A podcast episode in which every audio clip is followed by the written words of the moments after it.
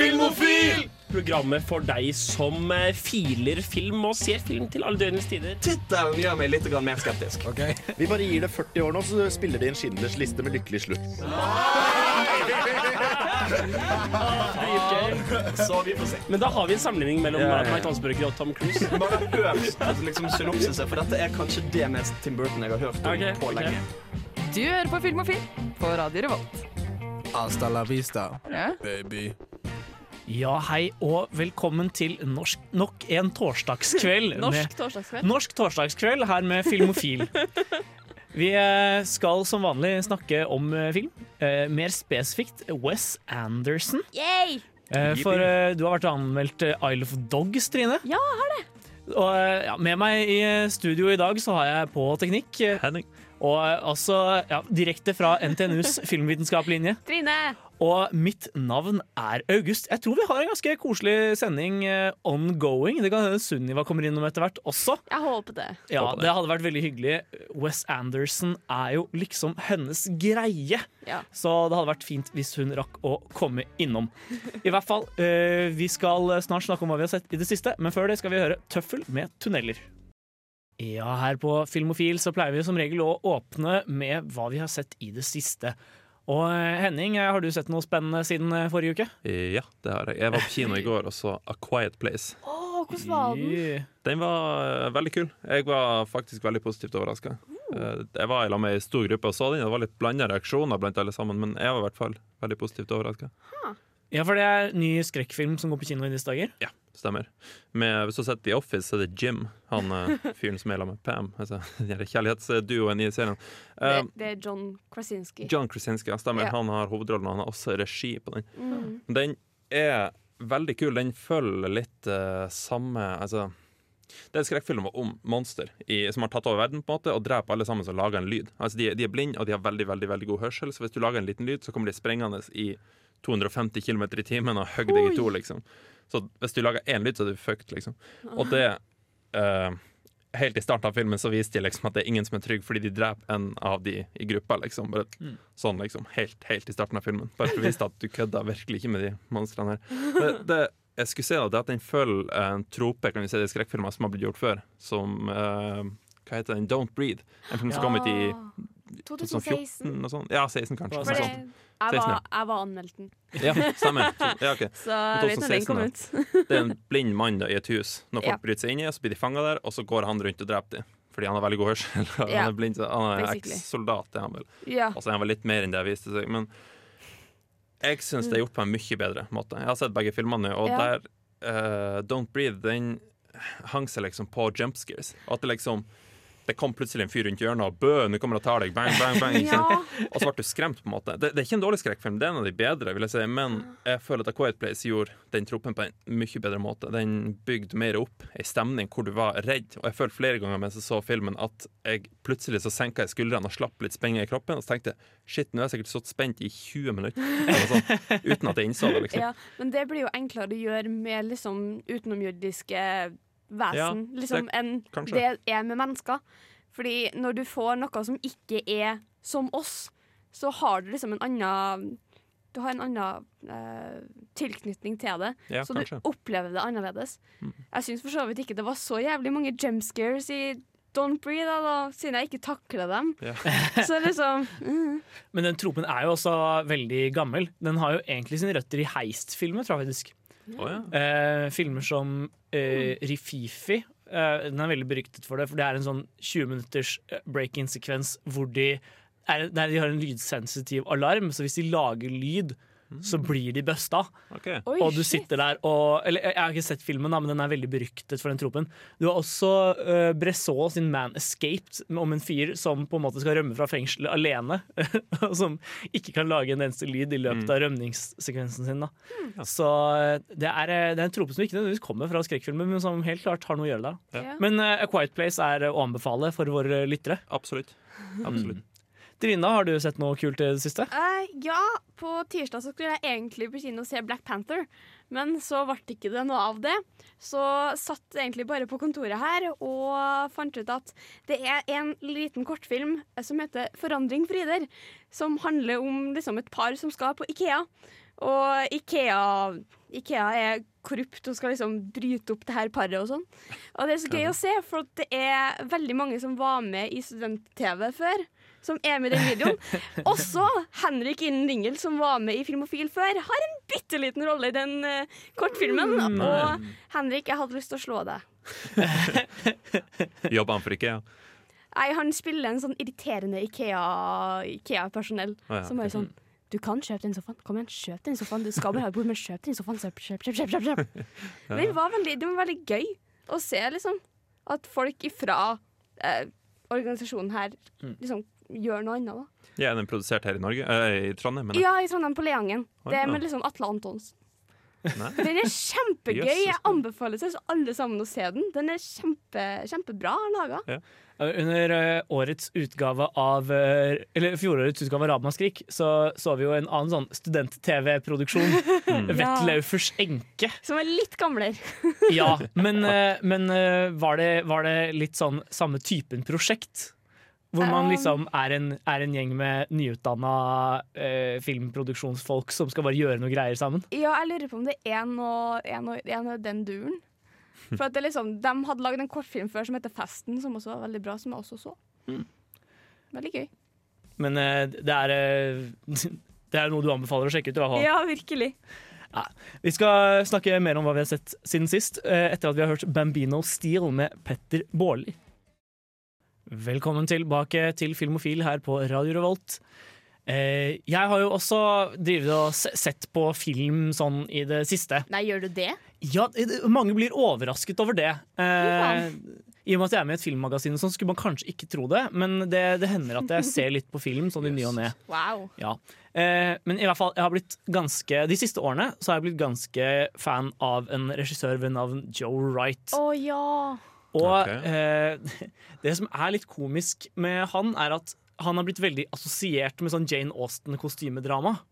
Fordi han lagde Pride and Prejudice-filmen. Som får mye verre om liksom, Den snakkes ikke så mye om som den burde. Nei, for det som, er så, det som er så trist, er at når du lager en adaptasjon av Jane Austen, så blir du på en måte automatisk plassert i en sånn bås med på en måte, eller hva skal jeg si, det, det, Den ender opp i en sånn der bås med sånn kostymedrama for kvinner. Eh, Mm. Og hva skal si, uh, Joe Wright har veldig mye mer å by på enn det. da Uh, Så Da jeg så Pride and Prejudice for et par Eller ja, det var vel for et år siden omtrent, så ble jeg skikkelig imponert. Ja. For det, det var en film jeg så i barndommen med mamma og ikke var liksom så fan av fordi det var sånn damefilm. Og så når jeg så den opp igjen, så er det bare sånn Han har så motivert formspråk, da. ja. Og i hvert fall etter å ha sett den, så tenkte jeg ok, jeg må se meg opp litt på Joe Wright. Og her, uh, her om dagen så fikk jeg mulighet til å se Atonement for første gang. Okay. Og etter min mening er det hans store mesterverk. Oh. Uh, filmen tar for seg uh, et, historien om et par spilt av um, uh, James McAvoy og um, Keira Knightley. oh my fucking god. Ja, eh, som på en måte blir Som blir eh, delt under andre verdenskrig av at lillesøstera eh, til hun Keira Knightley, spilt av Sear Ronan i hennes debutrolle, eh, eh, ser noe som hun misforstår. Og ender opp med å anklage han, eh, han eh, for voldtekt, da. Oi. Ja. ehm, Broren sin, altså. Nei, uh, uh, typen til Ja, typ- ja, sin ja, Ja, selvfølgelig. Sorry. Og hva skal vi si Forms... Eller, og, og, og, hele den historien er kjempesår, selvfølgelig. Altså, mm. Folk som blir adskilt av krigen, er liksom ikke hyggelig i seg selv. Men uh, i tillegg så er den Skuespillet er kjempebra. Altså, Keira Knightley er så god på sånn derre På å underspille Eller på, på på en måte si veldig mye med blikket sitt. Ja. Eh, Det, eller det, det, det lot jeg meg fascinere av skikkelig i den filmen. Og i tillegg så er lydklippen noe av det drøyeste jeg har sett. For mye handler jo om på en måte hun lillesøstera sin fantasi som løper løpsk.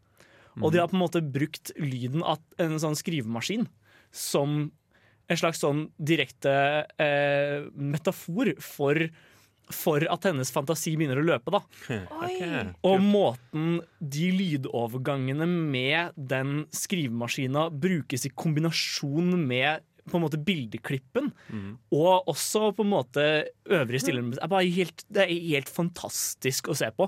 Så jeg, jeg, jeg skjønner ikke hvorfor ingen snakker om Atonement som et av liksom forrige tiårs beste filmer, for det mener jeg virkelig Jeg mener virkelig den er helt altså Hvis jeg skulle lage en topp 100-liste over, over forrige tiårs beste film, så ville, ville den vært med. Det er jeg sikker på. Den der har jeg faktisk nødt til å se. Ja, jeg, jeg, jeg skjønner virkelig ikke hvorfor ikke ingen er mer hypa over den filmen enn det de er. Det er så slett et helt fantastisk verk. Jeg tror det har noe med plakaten å gjøre. Ja, jeg tror det er det at den bare, folk tenker at det er Jane Austen, liksom. Ja. Men eh, ja, det er i hvert fall en veldig god film.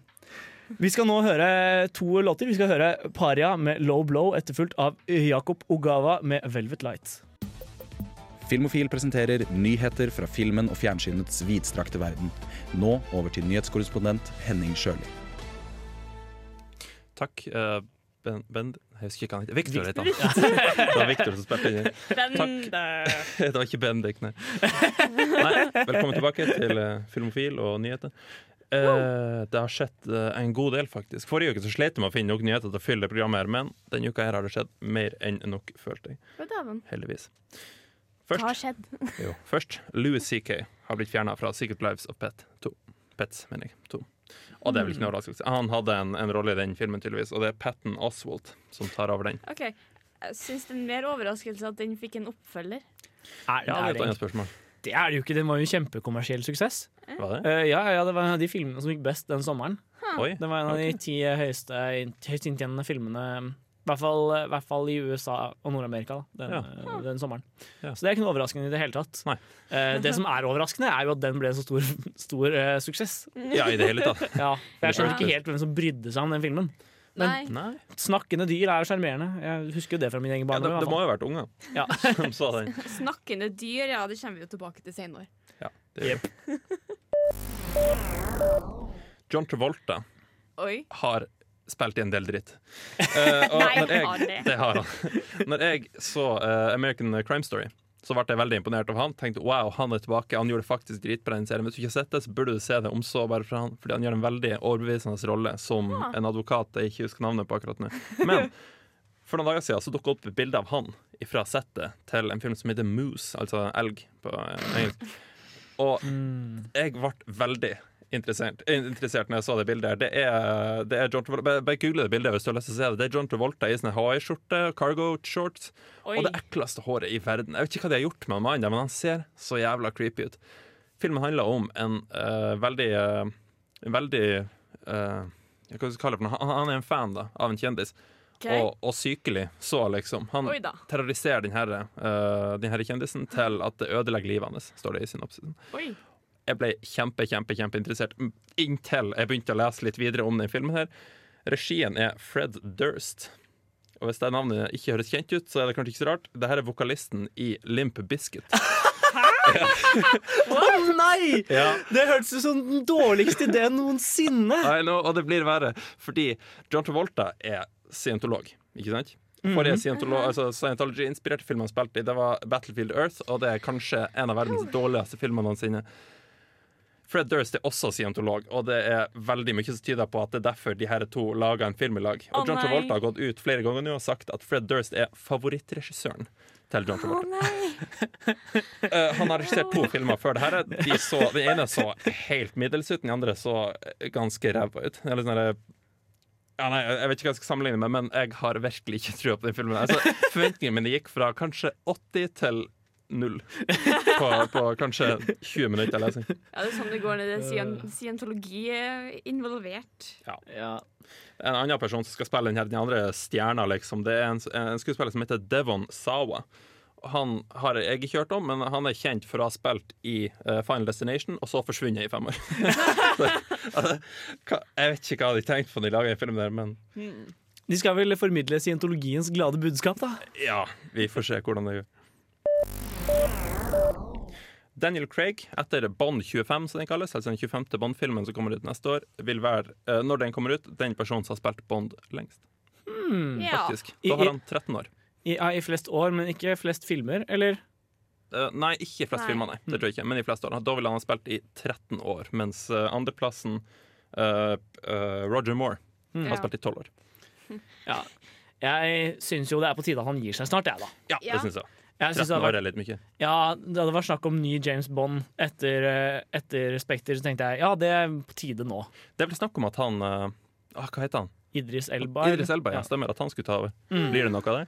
Hvem vet. Vi får se. Vi skal i hvert fall høre en låt. Vi skal høre Bison med 'Better Make It Count', etterfulgt av en liten pause.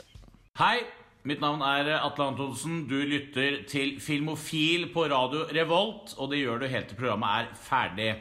Ja. Ja, vi, vi håper jo at eh, du, det kjære lytter, eh, hører på Atle Antonsen. Han er en klok mann. Men Henning, du har mer filmnytt til oss, har du ikke det? Det har jeg. David Fincher har fått jobben som regissør på World War Z2. Som er en tittel som er vanskelig å tyde fra folk med dårlig håndskrift, ser jeg for meg. Z og 2 blir litt lik, ser jeg for meg, men det blir fort Z, Z. For eh, World War Z var jo ganske Eller var jo et sånn merkelig prosjekt. Hvor du merker at de liksom De hadde en eller annen idé, og så bare ga de opp halvveis inni, og så ble det sånn hyperkommers blockbuster bare med Brad Pitt. Ja, altså det som er det at De som er fan av boka, er forbanna på den filmen. der Fordi de har, de har gjort det helt, helt, helt fullstendig feil. Eh, det er veldig mange av de som er fan av boka nå roper ut om, er at noen skal lage en miniserie. Fordi uh, boka angivelig oversettes bra til en TV-serie på f.eks. ti episoder. Jeg, jeg tror det er fordi du får ti forskjellige perspektiver. Du får liksom, og det, og det er jo gjennom tid og sted. ikke sant? Det starta i Kina ved utbruddet. At du får et perspektiv til noen der, og så er det en eller annen kanadisk fyr du får perspektiv Det, det er sånn hvert fall. Men det som er poenget er at de, de, de har planlagt en ny film, uh, og veldig mange er imot det her, men David Fincher har altså utsatt det her. Uh, han skal jobbe videre med Mindhunter sesong to i stedet for. Så det virker som at ikke han er særlig motivert til å fortsette dette prosjektet, og det er kanskje like greit, spør du meg. Ja, altså Samarbeidet mellom Brad Pitt og David Fincher har jo vært veldig fruktbart tidligere. da Ja, ja. Så sånn sett så Så er jeg jo eh, i utgangspunktet positiv. Eh, Jeg tror Er det noen som kan redde den franchisen, så er det jo David Fincher. på en måte Ja. Ja, absolutt. Eh, samtidig så kan det også virke litt som sånn tjeneste man gjør for en gammel venn-type prosjekt. Kom og Eh, redd filmen min. Ja, sånn vi må, vi må få til det her denne gangen. Ja. Nei, Please. de må i hvert fall gjøre drastiske endringer på måten de gjorde film 1. De kan ikke gjøre samme grep ikke? nytt. Jeg husker, og Det ble så, ble så latterlig produktplassering etter hvert også. For eksempel så er eh, Brad Pitt inne i avdeling på sykehuset helt alene. Og har funnet ut hvordan, han, hvordan de skal løse problemet. Du må infisere deg selv med en sykdom. Ikke sant? Mm. Og så, eh, så, så reagerer disse zombiene på lyd.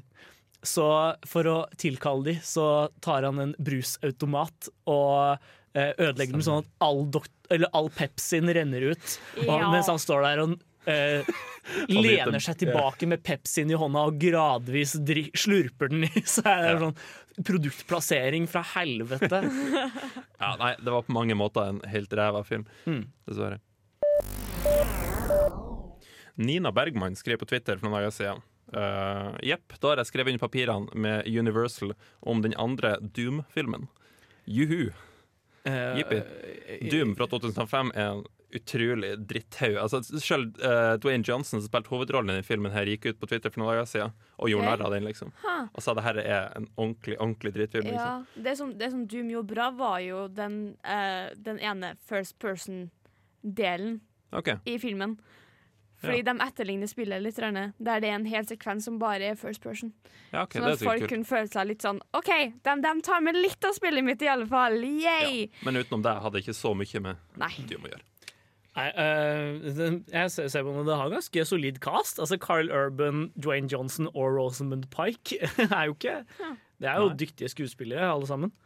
Uh, men spilladaptasjoner er jo notorisk ræva, da. Så det, og Generelt sånn first person-greier er også veldig sånn hit and miss. Jeg husker Ja, ja. den der Hardcore Henry som men- kom for et par år tilbake, var jo helt krise. Da var jo hele filmen first person, da. Ja, Der Nei, hadde de bare en liten del for å gi liksom omasj ja. til røttene, da. Ja, og det, det kan funke. Jeg så det med veldig, vel- eh, eller veldig vellykket i eh, koreanske The Villainess i høst, faktisk. Eh, den, var, den var ordentlig stilig. Men, men ja, det Det er vanskelig å adaptere spill til film på en god måte. Det det. Så vi får se hvordan det går med Doom 2, da. Regissøren er ikke avslørt. Eh, det, det er mysterium så langt. Men en ting som sier litt om Universal sitt eh, prospekt, på en måte. Det er at denne filmen her går ikke på, eh, på kino. Den går straight to DVD, såkalt. Å ja, så det- crap. Ja. Det lover jo Universal ser for seg at det her kommer dårlig. ikke til å tjene penger.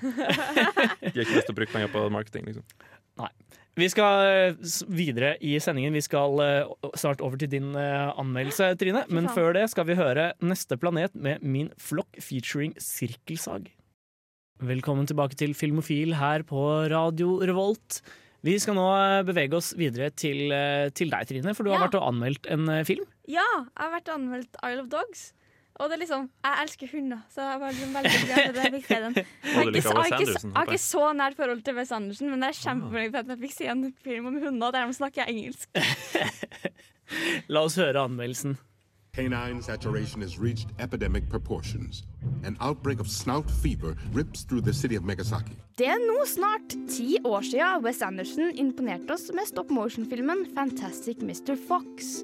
I år kommer det en ny stop motion-film som mest sannsynlig kommer til å imponere både hans dedikerte fans og det generelle kinopublikummet, nemlig Isle of Dogs. Den har definitivt fått Wes Anderson-sjarmen over seg.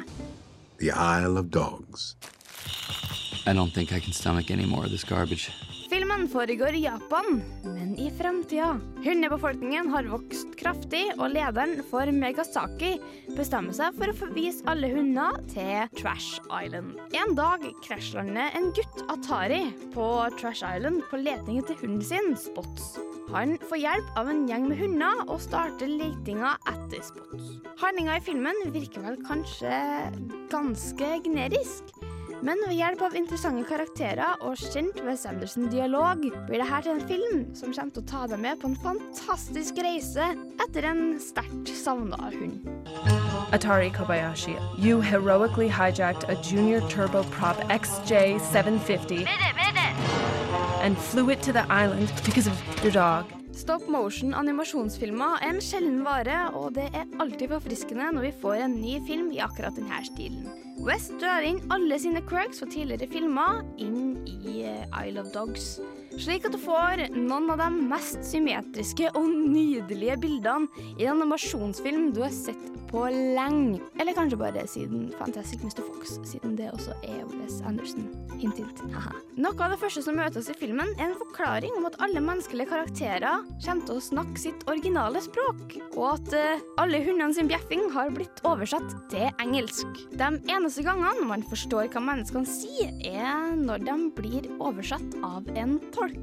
Dette gir oss en mer nærhet til hundene enn menneskene, siden man får dialogen rett ifra hunden, mens all dialog fra mennesker kommer generelt fra en tolk. Og når det ikke er tolk i nærheten, forstår du generelt bare ikke hva karakteren sier i det hele tatt. Before we attack each other and tear ourselves to shreds like a pack of maniacs, let's just open the sack first and see what's actually in it. It might not even be worth the trouble. Om det er noe negativt som skal sies om denne filmen, her, så er det kanskje at det er en del om en utvekslingsstudent som kanskje stoppa filmen på enkelte steder. Ellers er det virkelig ikke noe dårlig jeg kan si om denne filmen her. Skuespillerne gjør en fantastisk jobb for å få karakterene sine til live. Enkelte av dem er det veldig lett å kjenne igjen, som f.eks. Bryan Cranston som Chief og Ed Norton som Rex. Men det er også enkelte du ikke helt får med deg hvem som prater, sjøl om de egentlig har deg navnet på alle som er med i starten av filmen. She sees the future. Huh. No. She understands TV. Isle of Dogs er virkelig en fantastisk film som enhver Wes Anderson-fan burde ha tatt turen for å se. Dette er virkelig et valg du ikke kommer til å angre på, og det er godt brukte penger, spør du meg. Ja, det, jeg var jo og så filmen på uh, førpremiere på søndag, jeg også. Ja. Og uh, jeg må si meg enig, det er, det er en veldig, veldig søt film. Ja. Eh, det er kanskje den mest sånn barnefilmaktige Wes Anderson-filmen til nå. Ja, Den er, eh, den er hakket mer barnefilm enn Fantastic Mr. Fox, følte i hvert fall jeg. ja, men tar for seg en litt mer seriøs tone enn Fantastic Mr. Fox. OK. Hmm. Interessant. Det, det ligger en litt sånn undertone av seriøst under der, om liksom lederne Eller lederskapet av Megasaki, som er den fiksjonelle byen i Japan. Som det Mm. liksom blir liksom bare gjenvalgt og gjenvalgt og gjenvalgt. Og Det ligger noe under gjør litt, gjør litt andre ting på sida, liksom. Som Ja. ikke er helt snilt. Ja. Samtidig så er de veldig sånn eh, barne-TV-skurk. Ja. Skurker. De det er, ikke, de er liksom ikke sånn eh, det, det, er, det er et ondt komplott om å sende hunder til en søppeldynge og drepe de. Det er liksom ikke Det er ikke Det er liksom ikke så veldig realistisk hovedkonflikt, da, på et Nei. vis. Um, Men det finnes, det finnes liksom uh, Det finnes mye å gå inn i uh, på På innholdssida også? Ja. ja. Ja, jeg vil bare si at den her, den her føltes hakket mer barnslig enn Fantastic Mr. Fox. Ja. I, og ikke på en negativ måte. Jeg, jeg likte Nei. denne bedre. Ja, um. Um, ja, men jeg er ikke den største fa- fan av Fantastic Mr. Fox heller. da Vi kan jo komme tilbake til det. Vi skal snakke masse om Fantastic Mr. Fox senere. Ja. Er det like, de to filmene? De har helt klart noe til felles, eh, men jeg tror det er mest det at det er to animasjonsfilmer av Wes Anderson som Ja. er liksom Ja. fellesnevneren. Ja. Som begge handler om snakkende dyr. Ja. Eh, ikke så mye at plottene ligner på hverandre, på en måte. Nei. For at her har han jo fått skrevet og ordna alt sjøl. Det er jo ikke basert på noe. Okay. Og det er liksom uh, Du ser at teknologien har forbedra seg ganske mye på ti år. Fordi jeg syns at Isle of Dogs ser mye finere ut enn Fantastic Mr. Fox gjorde. Jeg, jeg syns på en måte at den imperfeksjonen, for å, for å kalle det det, da, var veldig sjarmerende i Fantastic Mr. Fox. Ja. Jeg syns det funka kjempebra. Men det ligger en undertone av det.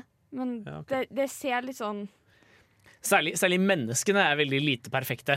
Ja. Atari Ja, ja. sin munn, for eksempel, er liksom sånn derre oh, wow, Ja. Hva de dreiv med der? Eh, men, men hundene er utrolig fint laget, da. Sjøl om de er liksom mager og skrøpelig og liksom bare syk. Det, det Favorittingen min med hele filmen er at det er, liksom, det er jo uh, snout fever, så alle De nys hele tida. Og det går liksom bare konstant gjennom filmen, så du sitter der og bare Der går det nys! Ja, og det, det er overraskende morsomt når de har en sånn der skikkelig stille scene. Som, det er gjerne hvor det er litt sånn spenning i scenen. Uh, to som på en måte har kranglet og stirrer hverandre inn i øynene, og så plutselig bare nyser det noen i bakgrunnen. Ja, og det er selvfølgelig at kameraet er rett i trynet på den Ja, der ja, ja. Ser han nedvei. Typisk Wes Anderson. Mm. Ja. det, det, det, det var faktisk et veldig morsomt grep. Ja. Jeg lo godt av de nysene. Eh, og- Jeg skal, jeg skal garantert se den. Ja, men jeg føler også at den kanskje den puster litt mer enn ganske mange andre Wes Anderson-filmer. Ja. Den tok seg tid til å være litt sånn rolig, i hvert fall i, enkelte situasjoner. Eh, veldig i kontrast til hans forrige film, da. Eh, Grand Budapest Hotel, som var kjempeintens. og som Ja. var en, det var jo en thriller til, eh, til han å være. Ja.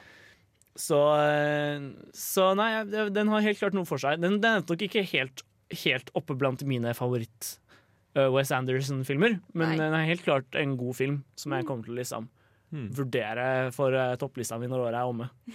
kult. men uh, ja, vi, vi kommer til å snakke vesentlig mer om uh, denne mannen ved navn Wes Anderson Ja. uh, den kommende, kommende timen. Men eh, før vi gjør det, skal vi høre en låt. Vi skal høre 'Death by Unga Bunga' med 'Turn My Brain Off'. Etter, før vi introduserer litt denne karakteren Wes Anderson hakket mer. Så stay tuned. Ja, nå skal vi begynne å begi oss ut på denne ukens temadel. Og eh, vi snakker som nevnt, som nevnt om Wes Anderson her på Filmofili i kveld. Og eh, Trine, har du hva, hva er ditt forhold til Wes Anderson, egentlig? Uh, det var litt sånn uh, Fram til egentlig i fjor så var han liksom en sånn sær fyr som lagde Grand Budapest Hotel, som jeg randomly så på TV-en. Som jeg bare Å, fy faen, det her er jo egentlig et mesterverk. Mm. Som jeg hadde fortalt vennene mine om, og de bare Hva faen er det du prater om? Det der er den verste filmen som eksisterer. Jeg sovna i kinosalen. Jeg bare? Nei! Det er ikke, det er ikke lov! Uenig. Du kan ikke sovne under den her! Nei! Det går faktisk ganske fort i svingene i den filmen. der Ja, og det er jo fargerikt som faen, så det er liksom, du skal ikke klare å sovne under den. Det skjer jo ting hele tida. Jeg, jeg så Grand da, Jeg tror faktisk det var den første Wes Anderson-filmen jeg så. Det var når, jeg, når den kom ut. Og så Mm. jeg den eh, Jeg tror jeg så den på Viaplay eller hva det var. Altså, jeg, når jeg så den, så følte jeg det var litt som Flåklypa til tider. Det var som en, Ja. en amerikansk ser, særlig når du ser hotellet oppå den bakken, og bilen driver og kjører opp og rundt. Og sånne? Veldig flåklype. Kanskje han var inspirert av Flåklypa? Skal ikke se bort fra det. det liksom, når jeg først så den, så hadde jeg skrevet en Facebook-status liksom bare Well, this was weird. Mm. Og ikke noe annet. Så jeg bare sånn Han der er en rar fyr. Mm. Og en av kompisene mine har fått meg, prøvd å få meg til å se Moonrise Kingdom, og jeg gjorde det jo i fjor. Og det var jo en veldig fin opplevelse. Mm. Mitt første møte med Wes Anderson var jeg tror det var på ungdomsskolen. Så hadde foreldrene mine kjøpt The Royal Tenenbaums på DVD. Og de satte på den i stua, og, og vi så den. Og jeg var sånn, et, etterpå satt jeg bare med sånn der hul følelse, og jeg likte filmen ikke i det hele tatt. For jeg, det, var bare, det var bare litt sånn kjipt. Den fikk deg til å føle ting. Eh, nei, jeg satt og var sånn, eh, sånn nummen etterpå, Ah. og følte egentlig ingenting. Oh. Eh, den har jo ikke sånn veldig oppløftende slutt, egentlig. Nei. Men eh, så begynte jeg på filmvitenskap, og da I filmens historie så hadde vi sånn siste forelesning før eksamen. Ja. Og da skulle Jeg Hadde foreleser først litt sånn oppsummering av liksom hva er det viktigste i filmens historie, og så sa han men nå skal vi se en film bare for å kose oss. Eh, nå skal vi se Moonrise Kingdom, og jeg elsket den. Eh, sånn kjempehøyt. Og jeg endte opp med på en måte ja, gjenoppsøke eh, Wes Anderson som en karakter. da For, for meg var han liksom den, han som hadde lagd den filmen som fikk meg til å bare være sånn tom på innsiden. Ja. Um, men så så jeg jo opp igjen The Royal Tenenbaums og The Grand Budapest Hotel kom jo det året. Uh, og jeg ble jo mer og mer forelska i fyren. Helt til jeg, um, helt til jeg endte opp med å skrive uh, min hovedoppgave i filmanalyse om The Royal Tenenbaums, ironisk nok. så Yes. uh, det var uh, det var, en, uh, det var en overgang der. Så det vi har funnet ut da, Wes Anderson er en sånn type som lager sære filmer som får oss til å liksom bare Hva er det her for noe? Ja, ja. Ja, for han har, en sånn, han har en veldig påfallende stil. Ja. Vi skal jo snakke mer om det etterpå, men han har jo blitt sånn hipster-darling fordi alle hipster-kidsa ser liksom folk i eh, funny kostymer som går rundt og er hipstrete og misforstått. Nei, her har jeg blitt en hipsterkid. Men tenk så symmetri og sånn, det tror jeg også faller veldig for hipstere. Og det er jo Ja. veldig tydelig i West Ah, Anderson-filmen.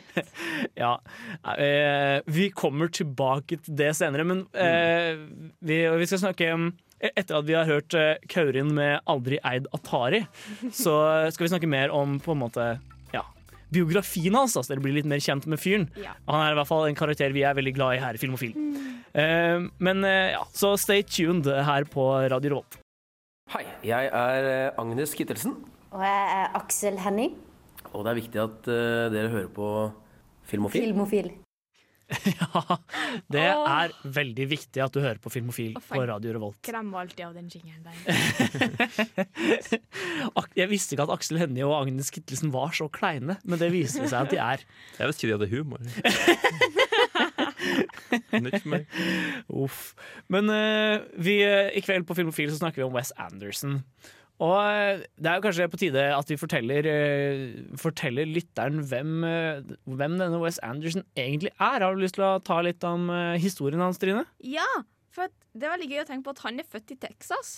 Ja, det, det overrasket meg også, for Ja. han har på en måte hele tiden slått meg som en New York-person. Ja, Jeg tenkte Seattle eller noe sånt. jeg.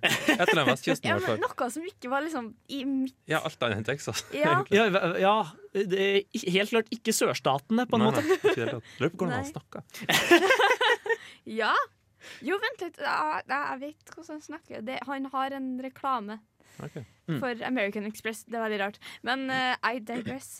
Um, det, det er også gøy å tenke på at han har uh, både svenske og norske aner. Så det er liksom Når du ser på fyren, så er det bare sånn OK, du, du, du må være en del skandinaver. Ja, det, man ser det på han. Ja, man ser det på han. Så det er liksom eh, Som unge så liksom fikk han tak i faren sin Super 8-kamera. For faren Mm. jobba innenfor reklame og lignende. Så han begynte jo allerede som liten å liksom få litt interesse for film, men han ville helst skrive. Ja, foreldrene hans skilte seg vel Ja. da, de, da han var ganske ung. Ja. Så det er tydelig at han kanskje ikke har hatt en sånn optimalt fungerende familie selv. Nei. Eh, Og det kommer vi kanskje tilbake til. det, det, kan hende vi, det kan hende vi snakker videre om det senere. Det, det er litt sånn à la Steven Spielberg, egentlig, når man tenker over det. Ja. Så det er, liksom, det er gøy at han Han, eh, han gjorde ferdig universitetet Mm. tidlig, men han, han, var, han tok filosofi.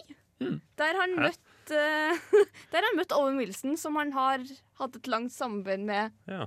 I ettertid. Ja, Owen Wilson er jo kjent skuespiller som har spilt i blant annet eh, Midnight in Paris og Wedding Crashers. Og The Internship. Ja. Så skal det. Ja, veldig mange rare filmer. Ja, han er bedre mange. i West Anderson sine, i alle fall. Ja. Fordi uh, Wes Anderson og broren var jo med og laga Wes Anderson sin første film, Mm. som Bottle heter Rocket. Bottle Rocket. Der han liksom fikk utforska litt, men ikke så mye av stilen sin, vel, Henning? Ja, jeg, jeg så den. Jeg, jeg må innrømme at jeg var litt i bakgrunnen jeg så på den. Så jeg, jeg ikke med den særlig Men jeg fikk litt samme følelsen som jeg, når jeg så Jackie Brown for noen år siden. Mm. Det var litt som å se liksom, ungdomsprosjektet til en regissør du kjenner. på en måte Du ser, du ser alle hintene til stilen hans, men du ser at det liksom ikke er helt plassert Altså, ting er ikke helt på plass i, Det, det er en underholdende film. Den er veldig fin, og det er, eh, de kjærlighetsforholdene er veldig like det du ser i andre West Anderson-filmer. Veldig sånn kleint og rart. For så, som sagt, det er litt vanskelig å sette fingeren på, men, men det er noen ting som er veldig Wes Anderson, og så er det noen ting som ikke helt er Wes Anderson. Ja. Men, men er verdt å se. Det er Men det kom vel i hvert fall i 1996. Ja. Ja, tror det. Og eh, ble ganske godt mottatt. Ja. Og han ble liksom et navn. Eh, I forbindelse med det så tror jeg vel de flytta til, uh, til New York også. Ikke sikker. Nei, Han har i hvert fall bodd ganske mye i New York, og det begynner man å se tydeligere når vi kommer utover på 2000-tallet. Ja, for liksom, Neste film han laga, var jo Rushmore. Mm. Der Han spilte den faktisk inn på sk- eh, high school. Han uh, oh, ja. Han uh, Han gikk på i, Ja. i, i, i gikk- Houston. altså. Ja, gikk ut av, så det er liksom bare Houston, Han bare Ja ja, vi spiller det inn her. Just, Han, han er ikke bare jo- fra Texas, han er fra Houston. Sjukt. Ja, nei, nei. Så det er liksom I Rushmore så fant han litt mer fram til den stilen og tematikken han har i filmene sine i dag. Da. Ja. Det er veldig mye symmetrisme og veldig mye fargebruk. Og han fant jo også noen av eh, de faste samarbeidspartnerne sine for Ja. senere prosjekter. Det var jo uh, debutrollen til Jason Schwartzman, men han har jo spilt i mer eller mindre alle Wes Anderson-filmene siden. Nei, han, han er en av dem som spilte i mindre Wes Anderson-filmer. Jason Schwartzman? Ja. Oh, ja. Eh, Den som har spilt i mest Wes Anderson-filmer, er jo Bill Murray. Som Ja. også hadde uh, Han starta jo samarbeidet sitt med uh, eh, Wes Anderson i Rushmore.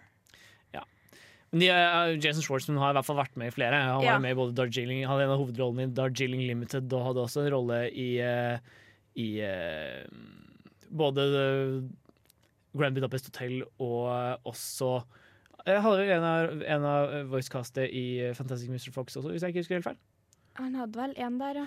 Men Om han ikke fall, var sønnen eller noe sånt. Eh, rundt Rushmore så begynner han å finne formen sin. Ja. Eh, og etter at vi har hørt Bad Boy uh, Nei, hørt Boy Pablo med 'Losing You', så skal vi snakke mer om filmen som kom etter det, nemlig 'The Royal Tenenbounds, som er en, en, en av mine favoritter. Så bli på Radio Revolt. Et av de mest uh, påfallende aspektene ved Wes Anderson film, sin filmografi Ja. er jo filmstilen hans, og den skal vi snakke litt videre om her på Filmofil i kveld. Hva, hva, er det som, hva er det som kjennetegner stilen hans, egentlig? Jeg føler at det, Som jeg sa tidligere i dag, så var det symmetri. Symmetri i, i skuddene, og ofte at ting faller veldig spesifikke steder på skjermen. Nå har jeg ikke noe kartlegging liksom, over hvor ting er på skjermen i Wes Anderson-filmer, men jeg føler at det er veldig, veldig veldig spesifikt hvor de Mm. havner. Ja, han, han er veldig detaljorientert. Ja. han har superfokus på hver eneste detalj av alle sett og alle kostymer. Og liksom, du merker at alt er liksom helt gjennomarbeida og skal ha akkurat rett stil. Eh, og det er kjempedetaljert på en måte eh, eh, blokking, da. Alt er plassert i bildet på en måte på kjempepresist vis. Og du har helt rett, Henning. Symmetri er et nøkkelord her. For vanligvis så er mennesket mest glad i å se på ting som ligger sånn cirka i det gylne snitt. Det vil si sånn cirka, ja, cirka en tredjedel ut på kanten, eller to femtedeler ut på kanten, kanskje. Ja. Sånn litt på siden av midten. Men, men ikke i Wes Anderson-filmer. Der, der skal på en måte personen som eh, det, det bildet handler om, den skal være i midten. Og så skal de andre være plassert sånn mer eller mindre symmetrisk rundt. Ja. Uh, og For eksempel hvis det er en dialogsekvens med to personer som sitter på hver sin side av et bord, så kan han finne på å liksom sette kamera midt på bordet og filme den ene personen, og så filme den andre personen sånn helt sentrert, og så tilbake igjen, ikke sant. Ja. Eh, og det gjør at noen ganger eh, i, I kombinasjon da, med at noen av bildene hans er kjempe... Eller komposisjonene føles veldig flate. Det er veldig lite dybde i bildene ofte. Og det gjør at liksom, romfølelsen blir helt fucka. Ja. Det, det er liksom han det er veldig greit at han har en så spesifikk stil, for det er alltid Du, du, kan, du trenger ikke å vite at det er en Wes Anderson-film engang. Den starter, og så er det bare sånn Å å ja. Ja. ja. Ja, vi er her, ja. OK, greit. Kult. Hvis du har sett en Wes Anderson-film, så vet du hva den neste altså når du, når du, Hvis du hopper inn i en annen Wes. Anderson-film, så vet du med en gang at det her er Wes Anderson. Ja. En ting jeg ser veldig ofte i Wes Anderson-filmer som jeg liker veldig godt, det er et, jeg er usikker på hva det heter. Jeg tror det heter whip pan shot. Ja. Og det, Ja. det du snakker om der bo, altså To personer som sitter over hverandre et bord og snakker. Så står eh, kameraet i midten, og når det bytter fra person A sier én ting, så går det til person B, så, så kastes kameraet rundt. Helt, eh, helt sånn, eh, horisontalt. da Gjør en ja. 180 graders spinn på den andre personen. Det bruker han i er hvert fall ja. Det bruker han i hvert fall mye hvis det er tre personer som snakker sammen. Så er det på en måte en sånn 90 graders pans. Det Ja. bruker han kjempe, hele tiden. Er, og, og de er dritkjappe. Det er sånn Ja, veldig kjappe. Ja, det er For det er veldig kjappe dialoger i de filmene. Ja, det er jo også uh, åpningsscenen, på i alle fall på Moonrise Kingdom. Så bruker Mm. han det veldig fint for å liksom vise vis rommene og vise liksom Mm. I Moonrise Kingdom. Et eksempel på akkurat der er i eh, Grand Budapest. Der ser jeg det veldig mye. Mm. Det er akkurat der er whip and shot. Ja, eh, andre ting han er glad i, er på en måte Han har veldig, spesif eh, veldig uh, tydelig fargebruk. Ja. Han er kjempeglad i pastellfarger. Sånn veldig veldig bleke farger uten så veldig mye liksom, dybde, på et vis. Ja. Liksom Det motsatte av neon. ja, det motsatte Ja, av neon. Uh, og det, det er også Og gjerne litt sånn, litt sånn teite farger. Sånn rosa og turkis. Ja. Og liksom det, det, det gir filmene hans veldig sånn Det føles veldig 70-talls, på et vis. Ja, det, det føles eldre enn det egentlig er. Jeg føler litt sånn barnerom, på en måte. Ja. Litt barnerom, for det, det er også en ting som går veldig mye i karakterene hans. At liksom voksne oppfører seg som unger, og unger oppfører seg som voksne. Ikke sant? Og det er litt det at alt av settene og sånn er så barnslig farga, vil jeg si i hvert fall. Det er en sammenheng der. Ja. Og en, en ting å snakke om på eh, En annen ting som han er veldig beryktet for, er jo sin eh, forkjærlighet for, eh, for 70-80-talls gjenstander. Ja, absolutt. Særlig, eller egentlig 60-70-talls, kanskje. Både, både musikken hans, som vi kommer tilbake til ja. snart, og, og en god del av propsene, men også på en måte hele looken og, og skriftfontene også, Ja. er veldig sånn du, du ser at det, han, han drømmer seg tilbake til en, en, et tidligere tiår, da. Ja. Og så en ting til, han er veldig flink til å bruke montasjer. Ja. For å forklare ting og vise fram alt. Liksom, I alle fall i Rushmore, så når han skal vise fram alle klubbene som han, uh, Jason Schwartzman sin karakter er med i, så er det liksom bare dukker opp overalt. Mm. Det, det starta der, og så fortsatte bare. Det er vel i nesten hver eneste film han har lagd. Du har alle seksualpartnerne til Margot i The Royal Tenenbaum. Ja. herlig liten, fin montasje. Liksom, det, det, han, han er, veldig, veldig karakteristisk. Vi skal snakke mer om The Royal Tenenbaum, og mer spesifikt musikkbruken hans, etter at vi har uh, hørt et par uh, låter. Vi skal først høre Life med New Beat, etterfulgt av Teddy and The Love Gang med Mommy Sinking. Velkommen tilbake til Filmofil her på Radio Revolt. I dag snakker vi om Wes Anderson, og vi har nå kommet til ukas filmlåt. Og det er Me and Julio Down by the Schoolyard Ja. av Paul Simon. Fra filmen The Royal Tenenbaums. og hva, hva har du å si om musikkbruken i den, Trine? Vet du hva, Jeg ble så overraska når jeg så The Royal Tenenbounds og liksom hvordan de bruker musikken. Fordi hver eneste låt passer så ufattelig godt til hver eneste scene. Det, liksom, det beskriver egentlig det du ser på, så musikken i seg sjøl blir en egen karakter. Den blir på en måte, eller blir på en måte en egen fortellerstemme. Ja, Eh, og den har jo veldig mye sånn poprock fra, fra 60-70-tallet, Ja. som, vi- som vi nevnte eh, før eh, disse låtene. Mm. Og det passer stemningen så utrolig godt. Bare, bare åpningen, da, som er til en uh, sånn Det er vel en uh, cembalo-versjon av Hey Jude. ja. Oh. Uh, som går under hele på en måte disposisjon og background Eller bakgrunnsfortellingen da, til denne familien det handler om. Ja. Og vi kan, vi kan kanskje si litt om handlingen. da The Royal Tenenbaums tar for seg en familie med tre særs oppegående barn. eh, som, eh, som vokser opp uh, i en veldig, dysfunksjon, et veldig dysfunksjonelt hjem. Moren er sånn som passer på dem hele tiden og på en måte følger dem opp. Uh, og på en måte har utdanningen deres som sin høyeste prioritet. Mens Ja. faren er en eh, drittsekk som stjeler pengene deres og til slutt ender opp med å skille seg fra Eller som til slutt ender opp med å bli kasta ut og bor på et hotell. Ja. Eh, Hele resten Eller ja, liksom derfra utover. Ja. Og så på en måte etter åpningssekvensen da, så går eh, han tom for eh, penger og må flytte ut fra hotellet. Og det han gjør da er å si til sin ekskone at han har fått kreft Ja. og er døende, og derfor må få bo hos dem igjen. da. For så vidt ikke ekskone, for de hadde ikke Nei, offisielt skilt seg. på det tidspunktet. Men jeg liker liksom at ungene var veldig oppegående når de var barn. Når de var voksen, derimot, var ikke så særlig funksjonell På, på ingen måte. lenger. Um, hun, Margot, for eksempel, eh, er adoptert. Uh, spilte Gwyneth Paltrow, en av de beste rollene til Gwyneth Paltrow. herlighet. Um, og de, de, de gjør, filmen gjør et nummer ut av at hver samtale uh, faren introduserer henne, så introduserer han henne som sin adopterte datter Margot. Men det er ikke tilfellet. Jo, jo. Oh, Hun er adoptert. Okay, okay. Eh, det, er bare, det, det er ikke måten man bygger et godt bånd til datteren sin på. Da. Nei. Eh, og når de skal dra og besøke graven til bestemora, så blir hun aldri invitert. Så bare Oh. Så når de blir eldre, så bare I was never invited. Ja, ikke sant. Men eh, poenget er i hvert fall at Uh, musikken hele tiden treffer beatsen til fortellingen. Da. Ja. Det, denne, den låta vi skal høre, tar jo for seg en scene hvor eh, Ben Stiller har blitt sånn overbeskyttende far selv, Ja. eh, siden kona hans døde i en flyulykke og han ikke ble så godt tatt vare på sin egen far. Ja. Eh, men uh, Royal, da, bestefaren, finner ut at han skal ta med sine barnebarn ut og gjøre rampestreker. Ja. Uh, sånn at de skal lære seg å leve litt. da Så de drar og ser på hundeslagsmål, og de løper over gata på rødt lys. Og um, Kaster litt vannballonger på biler. Henger bak en søppeltrøkk.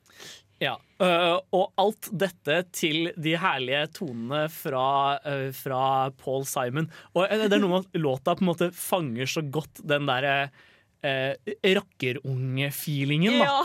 Eh, som, som gjennomsyrer hele, hele scena. Det er, det er rett og slett et veldig, veldig, veldig passende låtvalg. Ja. Og veldig Wes Anderson i at det på en måte kommer fra helt rett periode. Ja. Så jeg tenker vi kan eh, sette på Paul Simon med Me and Julio Down by the Schoolyard etterfulgt av en liten pause. For et program i burra med både klasse og stil. Du hører på Filmofil. Ja, nå beveger vi oss noen år fram i tid i eh, Wes Anderson sin karriere her i Filmofil. Ja. Uh, for vi skal nemlig snakke om ukas hjemmelekse, som Ja. var Fantastic Mr. Fox. Ja. Og eh, du var og så den på Samfunnet denne helga, Henning? Det gjorde jeg. Uh, jeg uh, har egentlig ikke sett så mye Wes Anderson, men jeg jeg, jeg elsker den filmen. Det må jeg bare begynne å se. Eh, når jeg så Grand Budapest Hotel, så skjønte jeg hva alle hadde snakka om når de sa eh, Når de om Wes Anderson. på en måte Mm. Men jeg følte ikke at det falt helt på plass. Selv om jeg likte den ganske godt, Mm. så følte jeg at uh, alle de tingene som jeg følte var litt skjevt i uh, Grand Budapest Hotel, de falt virkelig på plass. Uh, og det er spesielt det her med dialogen. Ja. Jeg syns dialogen funka så jævlig bra i Wes Anderson. Nei, nei, sorry, i, i Fantastic Mr. Fox. Det er utrolig sjarmerende og Nei, det, det er veldig vanskelig å sette ord på det. Ja, det er jo, vi kan jo si litt om hva filmen handler om. Ja, Den er jo en- slags adaptasjon av Roald Dahls Den fantastiske Mikkel Rev. Mm. Men den har på en måte tatt det fra å være en Det er, jo en thriller, egentlig. Sånn boka er skrevet. Ja. Det er jo ganske et intenst sånn uh, chase-film, egentlig. Som blir til en heist-film. Eller heist-bok. Ja. Uh, mens uh, Wes Anderson har jo i klassisk stil gjort det mer til et familiedrama. Ja. Eh, Jeg følte det var mer interessant å snakke om. Og jeg tror kanskje det er der noe av mine problemer med filmen ligger, siden den er så, på en måte, er så tydelig forankra i en bok som jeg er så glad i. Så er det på en måte litt Når det først skulle komme en adaptasjon av den boka, så hadde jeg litt lyst til at det skulle være en litt sånn Være en litt så tro adaptasjon, da. Ja. Eh, men det var det jo ikke. Nei. Eh, og jeg kan jo på en måte ikke helt klandre Wes Anderson for det heller. For den er jo veldig Wes Anderson. Den, bare, den bare var ikke så veldig Roald Dahl lenger. Nei. Og den er vel hylla som en av de beste filmene hans, den? Den er veldig veldig høyt ansett. Den, Ja, den eh, det. den uh, var jo nominert til Oscar for beste animasjonsfilm det året, i hvert fall. Ja, den. Um, og, Og den vant uh, Golden Globes for beste, beste manusforfatning, tror jeg. Hvis jeg Ja, ikke husker feil. det kan det, godt hende. Det er jeg 90 sikker på. Nei, og- og den fikk uh, sekser av Filmpolitiet, og Mm. den, er, den er veldig høyt ansett. Eh, jeg tror uh, Sunniva, vår, vår ja. kjære venn her i Filmofil, eh, anser det som sin, eh, sin favoritt Animasjonsfilm. Nei, sin favoritt Wes Anderson. Ja, Var det ikke favorittanimasjonsfilm òg? Jo, det kan godt hende. Jeg tror det. Eh, kan jeg bare spørre hvorfor, hvorfor, hvorfor prater vi Hvorfor valgte vi den her som hjemmelekse? Det var jo fordi den gikk på Studentersamfunnet denne helga. Ja. Eh, Studentersamfunnet sin filmklubb satte den opp. Det var vel i den anledning du så den, Henning. Ja, stemmer det. Det var deres siste visning det semesteret, dessverre. Men uh, en verdig avslutning, spør du meg. Ja, det, eh, det tror jeg vi alle kan si oss enige om, og det var veldig god timing med tanke på at Eller det var, det var sikkert ikke helt tilfeldig at den, hadde, at den hadde visning samtidig, eller rett før premieren på Isle of Dogs. Ja. Eh, nå som på en måte um, West-hypen kommer tilbake igjen. Eh, For han har jo litt mellomrom mellom filmene sine. Nå er det jo fire år siden sist gang. Mm. Eh, The Royal Nei, eh, Grand The Grand Budapest. Budapest Hotel eh, kom jo i 2014. Så det Ja. begynte liksom å folk, folk begynte å bli sugne på en ny. Rastløs. Det er, fint at, det er fint at han tar seg tid, da. Det er det helt klart. Jeg tror det er verdt ventinga, for å si det sånn. Det, han, han har aldri laga en dårlig film, liksom. Nei. Ja, og særlig animasjonsfilm er veldig tidkrevende å lage også. Ja. Ja. Eh, en eh, animasjonsfilm som er forhastet laget, det er ikke Mm. noe noen har lyst til å se, tror jeg. Ja, akkurat animasjonen i Fantastic Mr. Fox er så jævlig kul. Eh, det, er en del, det er en sekvens hvor eh, de driver og kaster håndgranater i anførselstegn. Det er som en kongle de setter fyr på. En eller annen grunn så er de nesten eksplosive. Men poenget, er at, eh, når det går av sånne eksplosjoner og branner, sånn her, så ser du at det er bomullsdotter som de i stop motion har blåst opp. liksom Det, det, er, det er en veldig godt laget film. Ja, Det er veldig vanskelig å holde imot den. Mm. Men uh, nå skal vi høre en uh, låt til. Uh, vi, skal snak- nei, vi skal høre Carly Ukis med 'Your Teeth In My Neck'. Nå skal vi bevege oss litt videre inn på liksom, hva, hva er det Wes Anderson prøver å si med sine filmer. Og jeg tror et, et av på en måte, de natur, eh, en av de naturlige tingene å diskutere litt, er jo hans, eh, hans skildring av dysfunksjonelle familier. Det er et gjennomgående tema i nesten alle filmene hans. Og du tisa også litt i starten her om at foreldrene hans skjeltes, og han hadde ikke den beste oppveksten i verden.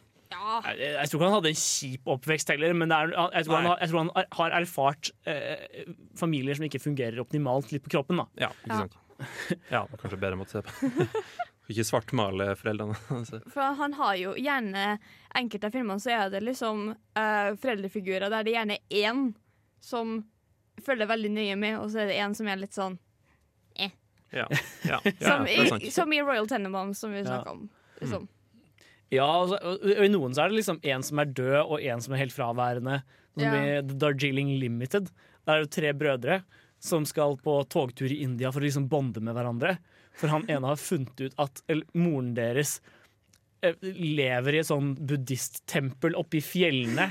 Eh, og av den grunn kom ikke i farens begravelse. Og De skal liksom opp dit i fjellet og konfrontere henne med det. Liksom, eh, det, det, og de er jo så dysfunksjonelle som gruppe også. De sitter her og de, eh, deler smertestillende på toget. Liksom helt krise. Det er vel også tilfellet med uh, Fantastic Mr. Fox. Vil jeg tro. At Mr. Fox uh, faktisk bare driter i sønnen sin, og søskenbarnet til sønnen kommer på besøk. Så forguder han det her eh, Ja. da. For han er litt mer atletisk og litt mer sånn Hei, du Ja, klarer ting! Ja, ikke sant? Han er alt han vil ha i en sånn, liksom. Så Ja. bare overser, han, han legger ikke noe sukker på det, liksom. Han bare, han bare dytter sønnen til sida. Liksom. Mens mor er skikkelig bekymra og følger med på sønnen. Liksom. Mm. Jeg tror du trenger å ha et nærmere forhold til sønnen vår. Så bla, bla, bla. Ja. Ja. Ja, så det, det tror jeg absolutt er gjennomgående eh, trope, hvis vi kan kalle det, i filmene hans. Ja. Og også eh, folk som er litt sånn eh, lost i sin egen tid. Det er Ja. også, et, også et, Ja. et tema som på en måte går igjen ganske mye. Ja. Mm. Uh, du merker jo eh, ta for- Det beste eksempelet på det er kanskje uh, Monsieur Gustave i, eh, i The Grand Budapest Hotel. Ja. Ok. Som er uh, Han jobber jo som concierge på dette hotellet og eh, legger veldig mye ære i at alt skal gå så prikkfritt som mulig, og at han skal ha den mest eh, pålitelige oppfølgingen av gjestene på hotellet som overhodet mulig. Alt skal være perfekt. Eh, og han er på en måte tydelig en, en referans Eller han, han representerer tydelig en slags sånn eh, ja, en tjener for adelen eh, mer enn Ja. han representerer en hotelldriver på 30-tallet. Og det kommer i Ja. hvert fall i konflikt med når andre verdenskrig bryter ut. ikke sant? Og ting blir litt uh, mindre sivilisert. Ja, men, men med tanke på Wes Anderson sin mest sannsynligvis kjærlighet for liksom 60- og 70-tallet, med tanke på hvor mye han har med i filmene, så virker jo han som en mann ut av liksom, sin egen tid også. Så det er ikke rart at han har karakterer som også føles sånn ut. Nei, det, jeg, jeg tror nok det bare er en sånn personlig greie. Det å, og, og det å, den der følelsen av å være litt lost, den skildrer han Eller som er så på en måte emblematisk for ungdom Eller for unge voksne da, i, Ja. i vår tid. Den, eh, den er han en av de beste til å skildre. Jeg tror han legger mye av seg sjøl i filmene sine. Mm. Ja. Og det sier jo litt når vi reagerer med 'hæ?' når vi hører at han er fra Texas. Liksom. Det sier noe om den identitetskrisa han eh, kanskje har følt på en gang i livet sitt. Ja, det, mm, du sier jo noe der. Mm. Ja. Og, men det er, det er jo noe av det som gjør filmene hans så herlig, fordi siden Selv om de er utrolig stiliserte, Ja. og veldig liksom eh, Det er veldig, veldig fokus på stil, så går det på en måte aldri på bekostning av den emosjonelle kjernen til filmene hans. da Ja. For det er så mye av det man på en måte Det, det er så mye av det vi snakker om nå, da. Denne følelsen av å være lost i sin egen tid, og den følelsen av å ikke helt vite hvor man skal i livet, og for ikke å snakke om problematiske familierelasjoner, som er så utrolig lett å kjenne seg igjen i. Og som i hvert fall treffer meg rett i hjertet nesten alle filmene jeg ser av han. Ja. S- ja, kanskje særlig Moonrise Kingdom og The Royal Tenenbounds' er sånn rett i hjertet-filmer for min del. Eh, han er liksom sånn Han er litt sånn metamoderne i den forstand at uh, filmene hans er de virker nesten parod... Eller de er veldig postmoderne i uttrykket. Ja. Altså, de, det er liksom masse homasj og eh, veldig sånn distansert uttrykk på et vis. Men så er det så ut- alle, alle de følelsesmessige reaksjonene er så utrolig genuine da, likevel. Ja. På tross av, av på en måte at overflaten er så, er så merkelig. Så um, jeg, jeg tror det er noe av nøkkelen til suksessen hans. i hvert fall det er greit at han går litt dypere enn bare overflaten. Det blir veldig dumt når det er bare, når det er bare stil og ikke noe substans. Liksom. Det, det, det, Når man blir litt sånn vinning refn, så Ja, er The det Neon Demon. Jeg tror ikke uh, West Anderson hadde godt av det. Vi skal i hvert fall høre en låt her på Radio Rolt. Vi skal høre Okkervil River med 'Pulled Up The Ribbon'. Ja, nå nærmer vi oss veis ende her i, i Filmofil denne torsdagskvelden på Radio Revolt. Det er jo så gøy. Ja, det, Wes Anderson er en morsom filmskaper å snakke om. Mm. Men uh, før, vi, før vi forlater dere, uh, for, uh, for semesteret egentlig, Ja. det er siste offisielle sendingen vår, så skal vi snakke litt om eh, våre favoritt-Wes Anderson-filmer. Det er på sin plass, føler vi. Ja. Eh, og Vi kan jo begynne med deg, da, Henning. Din film har vi jo allerede snakket en del om. Ja, det har vi. Fantastic Mr. Fox. Det er Jeg føler at alt som jeg syns funka med Wes Anderson, falt så perfekt på plass her. Eh, Det, det er en, en av de artigste filmene jeg har sett, faktisk. Jeg kan ikke komme på en film som en gang Ja. Nå har jeg sett den for bare noen dager siden, derfor setter jeg den så veldig ferskt i minnet, men jeg kan ikke Mm. komme på en film hvor det flirte så mye og så ekte, liksom. Nei, og det er så gøy at de, de sier jo aldri fuck. De Nei, sier, de det, sier er cuss. Ja, cuss. Where the cuss are you going, you cusser? Eller sånn, liksom. De bruker alltid ordet cuss i stedet for å banne, bare for å få det litt mer Ja. Det blir liksom, det blir mer retta mot barn, da, selv om det er litt sånn voksen animasjon. Ja, for det er litt det at det føles som en barnefilm, men det er jo ikke en barnefilm. Nei. Samtidig, jeg vet ikke, Kunne en unge ha likt den filmen? her? Jeg tror eh, en, et barn med rett filmoppdragelse kunne Jeg tror ikke jeg hadde gjort det. Nei. Eh, For jeg var veldig jeg, si, jeg ble ikke konfrontert med noen utfordrende filmer da jeg var, da jeg var ung. Nei. Men jeg tror sånn som kusinene mine, da, som har vokst opp med, vokst opp med Studio Ghibli, kunne, kunne satt veldig pris på Ja, den. kanskje. Men det, det, det er det jeg følte. Jeg følte at jeg så på en barnefilm for voksne. Når jeg her, det, det traff meg så midt i blenken. Og det er, det er en film jeg kommer til å se på nytt og på nytt og på nytt av årene. Ja. Trine, da, har du en, eh, har du en favoritt? Jeg tror faktisk det må bli en film som vi har snakka sånn, litt om, men ikke gått ordentlig inn på. Det er Moonrise Kingdom. Så liksom, den handler jo om egentlig to barn, eller to tolvåringer, som bestemmer seg for å stikke av sammen. Ja, han gutten har Han er, han er, en, eller han er um, Han er foreldreløs. Ja. Og er, blir nekta å komme tilbake til fosterfamilien sin etter at han har vært på speidleir. og eh, jenta eh, kommer fra en sånn superdysfunksjonell familie med to advokater som er foreldre, og som hele tiden snakker i sånn eh, lovspråk. Ja, Og Eh, brødre som hun ikke er helt sånn Brødre som hun hater. Ja. men i hvert fall disse to finner at de skal eh, rømme hjemmefra sammen. Ja. Og de er så søte. Ja, og det er liksom Det er en scene der det, liksom, det, er to tolvåringer som står på en strand og danser i undertøy. Men det blir liksom ikke det det, det blir ikke Du kunne ha trodd at det hadde blitt sånn seksualisert og rart, men det er så intimt og fint og koselig. Ja, fordi selv om de, selv om de kysser og sånn i løpet av den scenen, eh, så blir det så utrolig Det blir så utrolig tydelig at de er barn som Ja. på en måte er i ferd med å, å oppdage sin egen seksualitet. Men det, det, det er fortsatt så utrolig barnslig, da. Ja. Det, ikke, det, det føles ikke seksualiserende Nei. på noe vis allikevel. Det er rart. En ting vi snakker om så vidt Jeg tror jeg nevnte så vidt jeg, det, det er det med at uh, voksne personer er veldig barnslige, og, og, og unger da er veldig voksen. Ja. Det jeg har hørt om forholdet deres i den filmen, der er at det er veldig uh, Veldig, veldig voksent. er veldig Måten de prater alt sånn er rett og slett voksen. Ja, og liksom alle de, alle de voksne karakterene i den filmen der er jo Bortsett fra Jason Schwartzman. Mm. Ja. Men alle er sånn litt sånn udugelige. Og Ja. Sånn, De kunne lært av de to tolvåringene hvordan de skal oppføre seg. Mm. Liksom. Når tolvåringer blir mer voksne enn deg, da har du et problem. Ja, men det, det er litt det du ser i Wes Anderson-filmer. da At Ja. liksom ungene eh, knyter skoen liksom og drar opp buksen. Liksom, ja, nå må vi fikse opp i det her. Sant? Min eh, favorittfilm er nok eh, The Royal Tenenbaums. Ja. Den har veldig Ja. sterk konkurranse fra Moonrise Kingdom, da. Men det er de to som står mitt hjerte nærmest. Ja. Um, og vi har jo vi har snakket en god del om hvordan den filmen fungerer, men eh, det, var, det er så morsomt å tenke tilbake på mitt første møte med den nå. Som en sånn der film som jeg ikke forsto meg på, og som bare fikk meg til å føle meg liksom nummen eh, på innsiden. Som nå får meg til å liksom ja, være skikkelig på gråten.